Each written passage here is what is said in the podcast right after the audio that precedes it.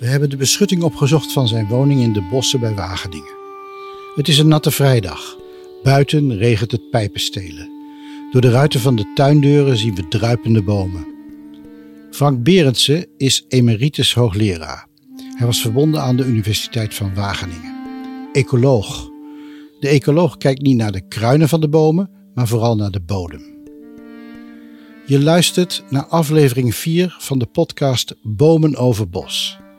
Sander Kooistra en ik, mijn naam is Jan Westerhof, maken een serie over de kwaliteit van onze bossen. Over de bedreigingen en het perspectief. Frank Berendsen vindt dat de natuurfunctie van onze bossen belangrijker moet worden. Afgezet tegen de ruimte voor recreatie en bosbeheer. Er moet minder worden gekapt en in substantiële delen van het bos moeten er helemaal geen mensen komen.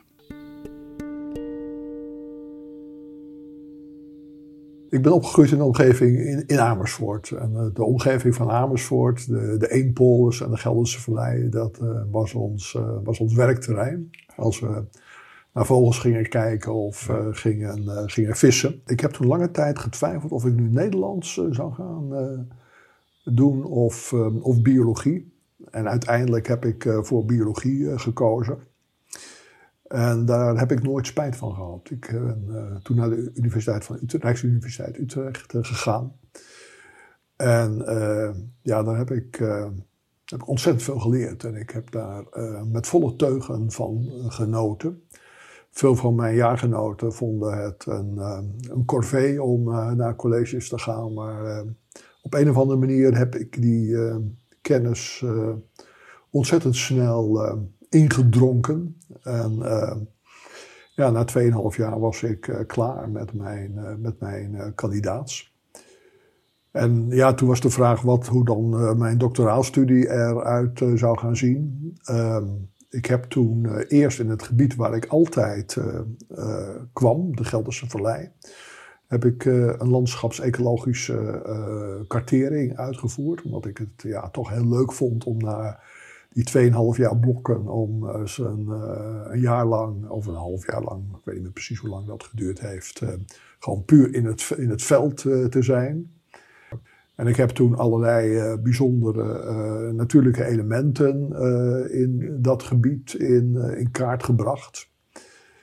en ook, ook de bedreigingen daarvoor aangegeven. En toen was me eigenlijk duidelijk dat, werd mij duidelijk dat zeg maar, die uh, rijkdom aan natuur, die op dat moment, hè, we praten dan over 1973, mm waarvan de laatste restanten uh, toen nog uh, zichtbaar waren, eigenlijk heel snel aan het verdwijnen waren. De eerste publicaties over de dramatische gevolgen van, van de hoge stikstofdepositie waren natuurlijk al begin jaren 80, eind jaren 70 een, een sleutelpublicatie is geweest van, van Nico van Bremen, een, een oud collega van mij in 1982 in Nature. Het meest, eh, laten we zeggen, gezaghebbende en invloedrijke wetenschappelijke tijdschrift. Die liet heel duidelijk zien dat de hoge stikstofdepositie op een aantal punten in, in Oost-Nederland en Zuid-Nederland gewoon een heel sterk verzurend effect had op de bodem zelfs zodanig verzuren dat er oplosbaar uh, aluminium in de bodemoplossing uh, vrijkwam. Met vergaande negatieve effecten op de wortelgroei van, uh, van bomen. Op een gegeven moment heeft men ehm, een verplichte mineralenbalans voor agrarische bedrijven ingesteld. De MINAS-boekhouding. En in die periode hebben we inderdaad tussen laten zeggen 1990 en 2000, hebben we een daling zien plaatsvinden van uh, de, de stikstofdepositie. Boeren uh, moesten hun, uh, de hoeveelheid stikstof en fosfor die binnenkwam moest, in de vorm van, van voer en kunstmest moesten bijhouden en ook wat er werd afgevoerd. En als dat verschil tussen aanvoer en afvoer te groot werd, dan moesten ze daar een heffing over betalen. Nou, in die tijd hebben we echt, uh, wat betreft stikstof, uh, zijn er uh, stappen gemaakt. maar toen moest op een gegeven moment, en dat is geloof ik ja, even na 2000 geweest, is die regeling onder politieke druk van met name het CDA, is die, is die regeling afgeschaft. En sindsdien is het eigenlijk gewoon, met name onder invloed van CDA en VVD. En het wordt nu niet beter met partijen als BBB en, uh, en uh, Pieter Omzicht. Ehm, is het gewoon pappen en nat houden geweest. En het, het, enige moment, ondanks alle, de hele reeks van publicaties, rapporten van het RIVM, van, vanuit Wageningen is de regering pas in actie gekomen op het moment dat die pas gewoon, uh, zeg maar, als, als illegaal uh, door, uh, ook door, door Europa en bij ons door de Raad van State werd, werd verklaard. Gewoon, gewoon gedwongen. Daarvoor is er dus niks gedaan. Dus toen er een juridische noodzaak ontstond waar ze niet onderuit konden, toen, toen zijn ze pas wat gaan doen. Het was ook voor de boeren gewoon veel beter geweest. En ook economisch ook veel, veel meer, uh, veel, veel, gunstiger geweest. Wanneer gewoon in een veel vroeger stadium gewoon hier volledige duidelijkheid over was ontstaan. Ja. En we hebben zelfs bij het uh, afschaffen van, van het, van het melkquotum uh, ja, toen dachten natuurlijk veel boeren van, nou ja, we kunnen, uh, we kunnen gewoon onze, onze veestapel uitbreiden. Dat hebben ook veel boeren gedaan. En banken hebben dat zelfs gefinancierd. Dat was niet nodig geweest wanneer men gewoon rekening had gehouden met de al, uh, met de al jaren bekende problematiek. En nu moeten boeren die veel investeringen geholpen door banken hebben, hebben gedaan, ja, eh, die, die moeten nu een, eh, een stap eh, terug gaan doen. Nou, dat is toch gewoon dom beleid zonder, zonder toekomstvisie. Ja, ik, ik kan me daar. en nu, ja, nu worden dus wat, wat ad hoc maatregelen genomen met het uitkopen van piekbelasters. Nou, dat zal wel wat helpen, maar niet heel veel. En het kost natuurlijk de belastingbetaler ontzettend veel, veel geld. Terwijl als men dat op een andere manier gedaan had, eh, en die manieren zijn er eh, naar mijn mening, dan hadden we nu een situatie gehad waar boeren wisten waar ze aan toe was, zeg maar de juiste investeringen konden doen. En dan uh, zou nu al uh, de stikstofdepositie uh, voor een deel buiten beneden een aantal kritische depositienormen zijn geweest. En met name voor het bos is dat heel belangrijk. Wat, is heel, wat, wat vindt u van, van de huidige situatie van het bos in, in Nederland? Nou, het probleem met bossen is dat ze, althans voor bossen is, dat ze zijn accumulerende systemen.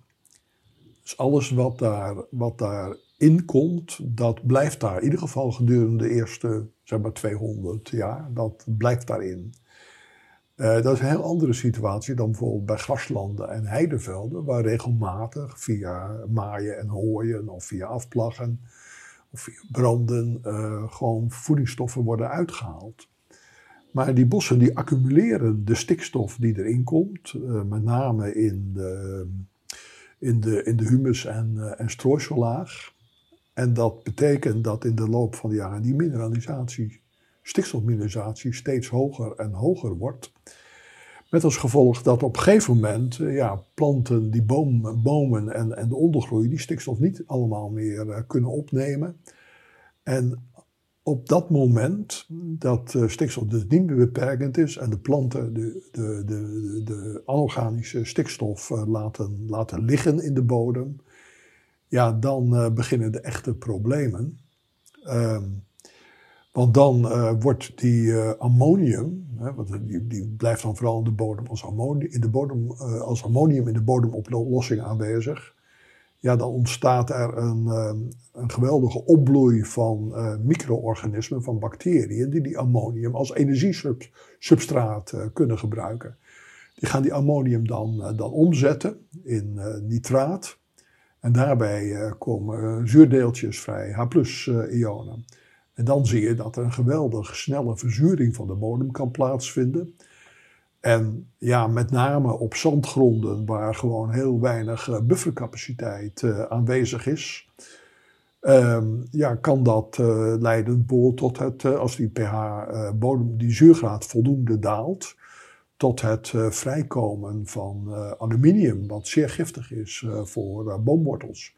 Boomwortels hebben natuurlijk sowieso last van een hele lage pH, maar met die aluminium kan het dan eh, echt eh, heel vervelend worden. Hmm. En dan zien we bijvoorbeeld bij, bij zomereik en wintereik zien we dan een geweldige terugval in de vitaliteit plaatsvinden. Dat klinkt heel alarmerend wat je nu zegt. Ja, ja, maar, daarvoor, daaraan voorafgaande zijn we natuurlijk al een heel, uh, voordat je echt iets aan die bomen ziet, zijn we natuurlijk al een heel belangrijk deel van onze uh, mos en met name paddenstoelenflora zijn we verloren. Uh, die zijn zeer gevoelig, veel soorten zijn zeer gevoelig voor verlaging van, de, van de zuurgraad, een zuurder, voor, voor een zuurder wordende bodem. En die soorten verdwijnen dan. Hm. Ehm, ik denk met na, als we zeg maar, naar, de, Veluwe en de Utrechtse Heuvelrug kijken, dat met name uh, die effecten op, um, op de zuurgraad en daarmee op de, de, de, de, mossen en, en de paddenstoelen gewoon gigantisch uh, zijn uh, geweest. En daar weten we eigenlijk nog heel weinig van. Maar datgene wat we weten is zeer alarmerend. Hoe kijk je dat licht naar eh, de huidige discussies in de politiek. Het is wel een agendapunt geworden in ieder geval nu. Nou ja, ik denk dat die stikstofdepositie op uh, korte termijn uh, om, om, om, om, omlaag moet. Ik denk dat iedereen daar inmiddels wel van overtuigd is. En nou ja, ik zie dan zelfs bij, bij omzicht dat hij dan nog denkt aan technische innovaties als, als hulpmiddel. Uh, als weg daar naartoe. Maar het is eigenlijk voor alle uh, mensen die er echt nauw bij betrokken zijn, is duidelijk dat de enige weg is, is een vermindering van de veestapel. En uh, een ontwikkeling naar echte circulaire landbouw, waar we zeg maar het veevoer niet meer uit Zuid-Amerika importeren. Dat is natuurlijk een geweldige, gigantische stikstofstroom die het land binnenkomt. Samen met uh, de, de, de, de, de kunstmest, uh, uh, die wel dan in Nederland wordt gefabriceerd, maar die met, met, met, met heel veel energie wordt, wordt gemaakt. Ehm, ja, en dan, dan gaat die dan, dan, dan, kan die stikstofdepositie, uh, en dat hebben we dus eerder gezien met die minusboekhouding, die kan binnen uh, een jaar of tien kan die uh, substantieel omlaag. En ik denk dat we dat in ieder geval voor het Nederlandse bos. Want daar hebben we voor de meeste bossen hebben een kritische depositiewaarde van zo'n 20 eh, kilogram eh, stikstof per hectare per jaar. Uh, dat we daaronder kunnen komen. Dat is denk ik met, met goed beleid heel goed mogelijk. Kijk, voor hoogveen is het bijvoorbeeld moeilijker. Hè? Dan zitten we, wat is rondom de 6, 7 als kilogram stikstof per hectare per jaar als kritische depositiewaarde. Nou ja, dan zitten we in de situatie aan het begin van de, van de 20ste eeuw. Dat is dus best uh, lastig. Maar die stap uh, beneden, naar, naar beneden, de kritische depositiewaarde voor bos, ja, die moeten we echt uh, kunnen, kunnen maken. Alleen dan zijn we er nog niet. Dan zijn nee, we... precies, want dan behouden we wat we nu hebben. Ja. Maar daar ben, daar ben je eigenlijk al niet zo heel erg enthousiast nou ja, over, dat want je vindt mijn... al een verarming ten opzichte van vroeger. Ja, nou ja, dat was mijn volgende denkstap. Want dan, dat betekent niet dat het probleem voor het bos is opgelost. Nee. We hebben voor de hele Veluwe, met onze modellen, hebben we uh, per uh, gridcel van, ehm, van een halve kilometer bij een halve kilometer, hebben we uitgerekend wat er zou gebeuren bij een uh, forse daling van de, van de stikstofdepositie. En hoe zeg maar, een aantal plantensoorten daarop zouden reageren en hoe de stikstofmineralisatie en de bodem-pH daarop zouden reageren. En wat we dan zien is dat, ja, dat het zeker zo'n 20 jaar duurt voordat we de positieve effecten daarvan zien. Dus, en dan uh, praten we over een forse daling van de, van de stikstofdepositie. Zegt dat we nu echt dus tussen de 35 en, en 40 kilogram uh, aan depositie zitten. Als die daling terugbrengen tot, laten we zeggen, 10, 15, wat, wat eigenlijk bijna onrealistisch is, dan duurt het nog 20 jaar voordat we de positieve effecten op die zandgronden van de Veluwe zien. En dat is niet zomaar een, een lulverhaal wat ik hier zo uit mijn duim zuig. Nee, dat hebben we in een van de meest vooraanstaande Amerikaanse tijdschriften, uh, Ecological Applications, hebben we gepubliceerd. Dus daar is dan ook een, een, stevige wetenschappelijke review over gegaan. Dus dat zijn echte stevige wetenschappelijke gegevens. En als je nou zou denken in termen van, van beheer, want er, zijn, er wordt natuurlijk nu een heleboel uh, beheerders die zien, uh, die zien de achteruitgang van hun bossen. Uh, er zijn bijvoorbeeld acties om andere boomsoorten te planten. Met het idee van die, die strooisellagen, de bladeren die, die daar komen te liggen, die, die krijgen andere samenstelling. Dat je op die manier de verzuring iets kan tegengaan. Zie je dat soort oplossingen, is dat zinvol of blijft dat te klein?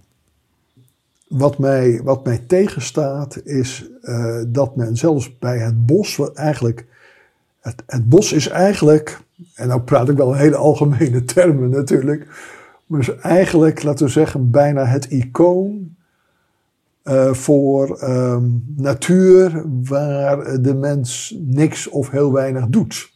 Wat niet helemaal juist is, want het bos is natuurlijk al eeuwenlang uh, geëxploiteerd. Er is hout uitgehaald.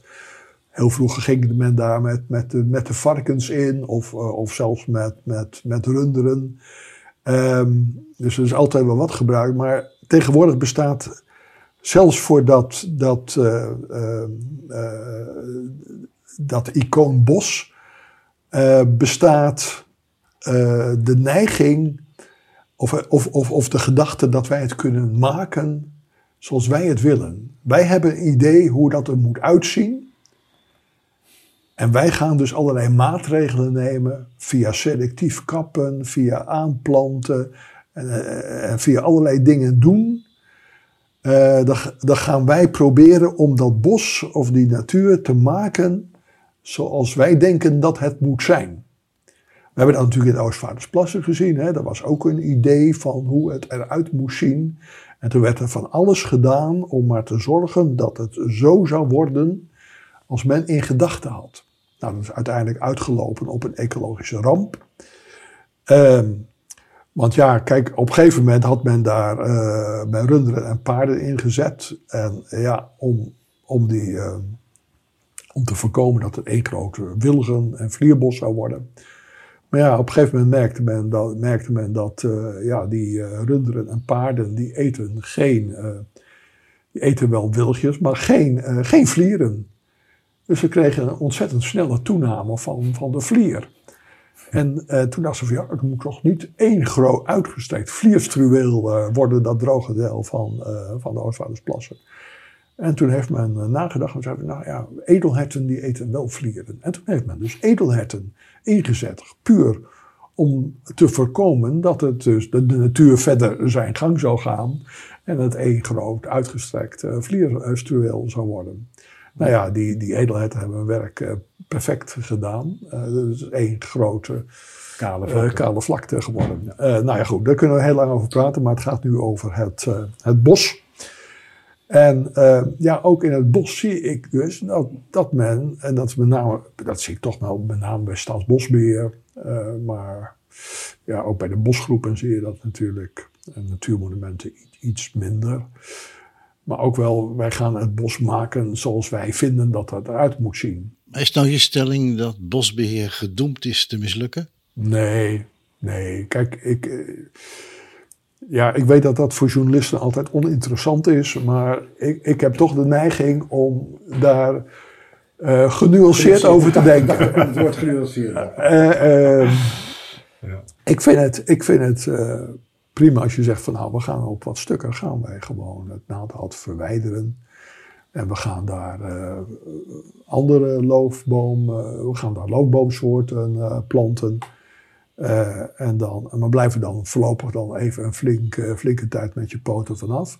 Maar wat ik ook vind, is dat we gewoon een veel groter oppervlak van het bos in Nederland gewoon moeten reserveren als uh, gebieden waar we gewoon uh, als, als sanctuaries, zoals Matthijs Schouten dat heeft genoemd, dus heiligdom, waar we gewoon helemaal niets doen. Hoeveel? Nou, op dit moment hebben we zeg maar iets van 2900, 3000 hectare aan bosreservaten, waar inderdaad in principe niks, niks gebeurt. Dat is 0,8, ik heb het gisteren voor alle zekerheid nog even uitgerekend, 0,8% van het totale oppervlak bos. Dat is dus heel weinig. Ik zeg, als je nou uh, is, uh, een, bijvoorbeeld een kwart van het Nederlandse bos zegt van nou, en liefst grotere, want die bosreservaten zijn allemaal hele kleine stukjes.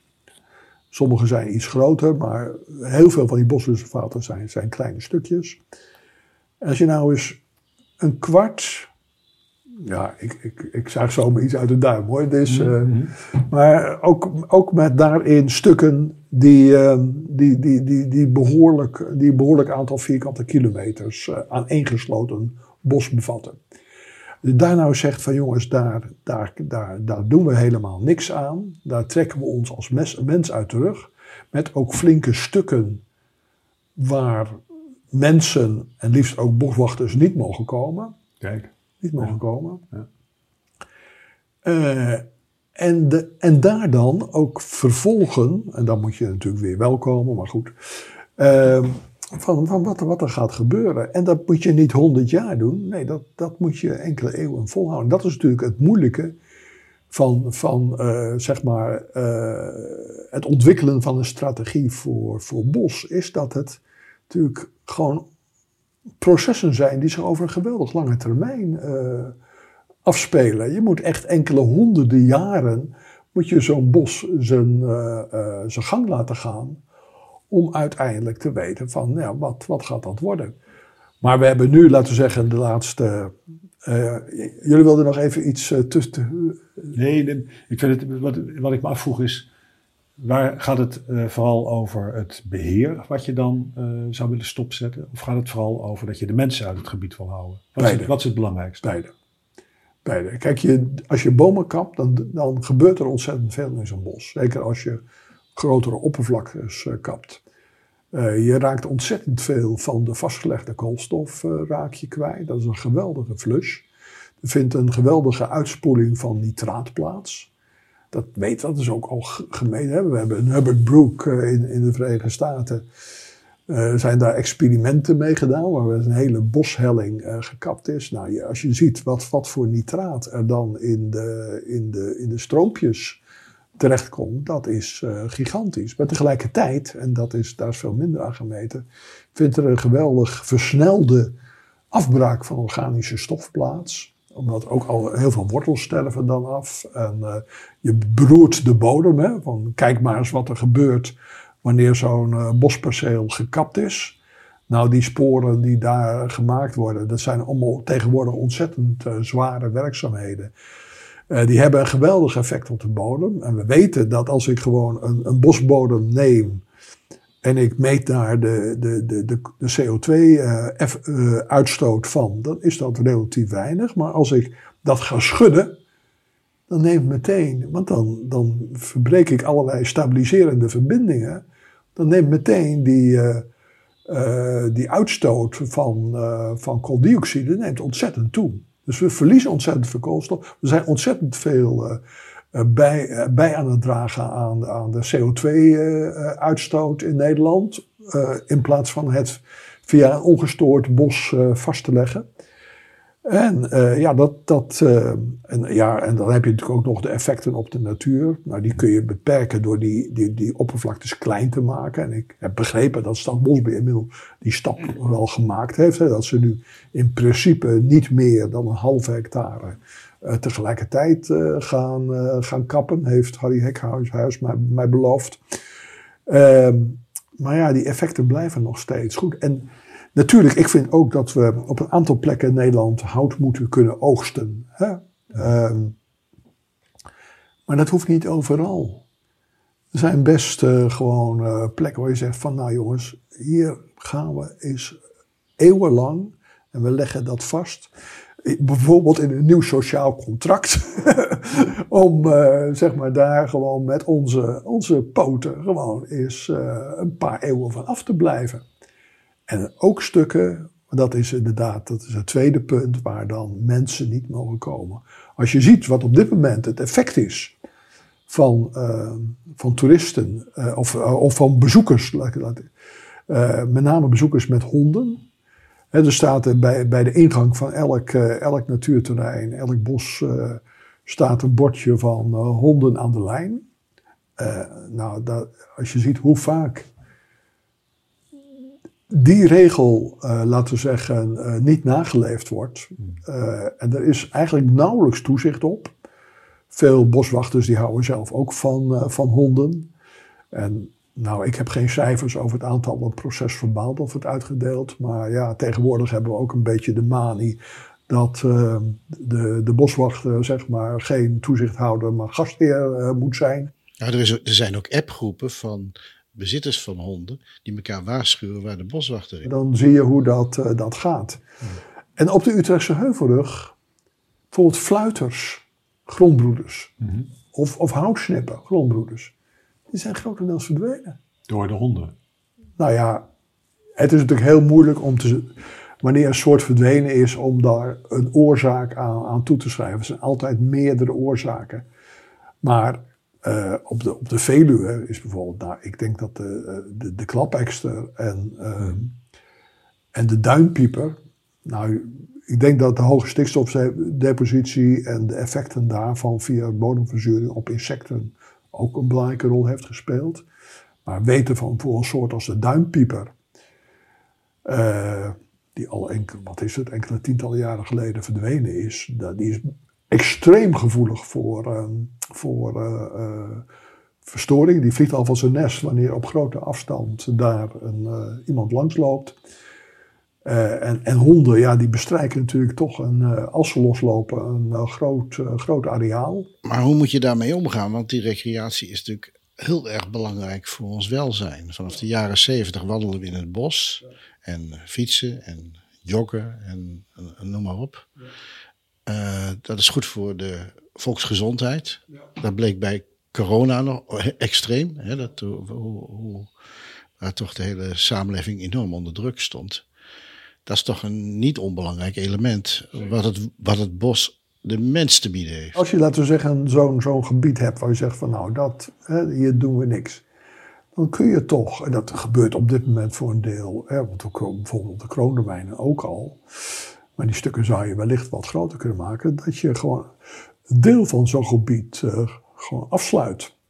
En zeggen van nou, hier mogen mensen niet komen. En tegelijkertijd zou het al heel helpen wanneer het toezicht uh, gewoon uh, geïntensiveerd zou worden. En mensen die met een loslopende hond lopen echt geverbaliseerd worden. Het grote plaatje is, is laten we zeggen, een, een veel grotere oppervlakte dan die 0,8% nu. Uh, te bestempelen als gebied waar we niet beheren. Waar we gewoon het bos zijn gang laten gaan. En waar we dan ook delen van uh, echt stiltegebied, rustgebied maken. Waar mensen uh, en bij voorkeur ook boswachters gewoon niet of zo weinig mogelijk komen.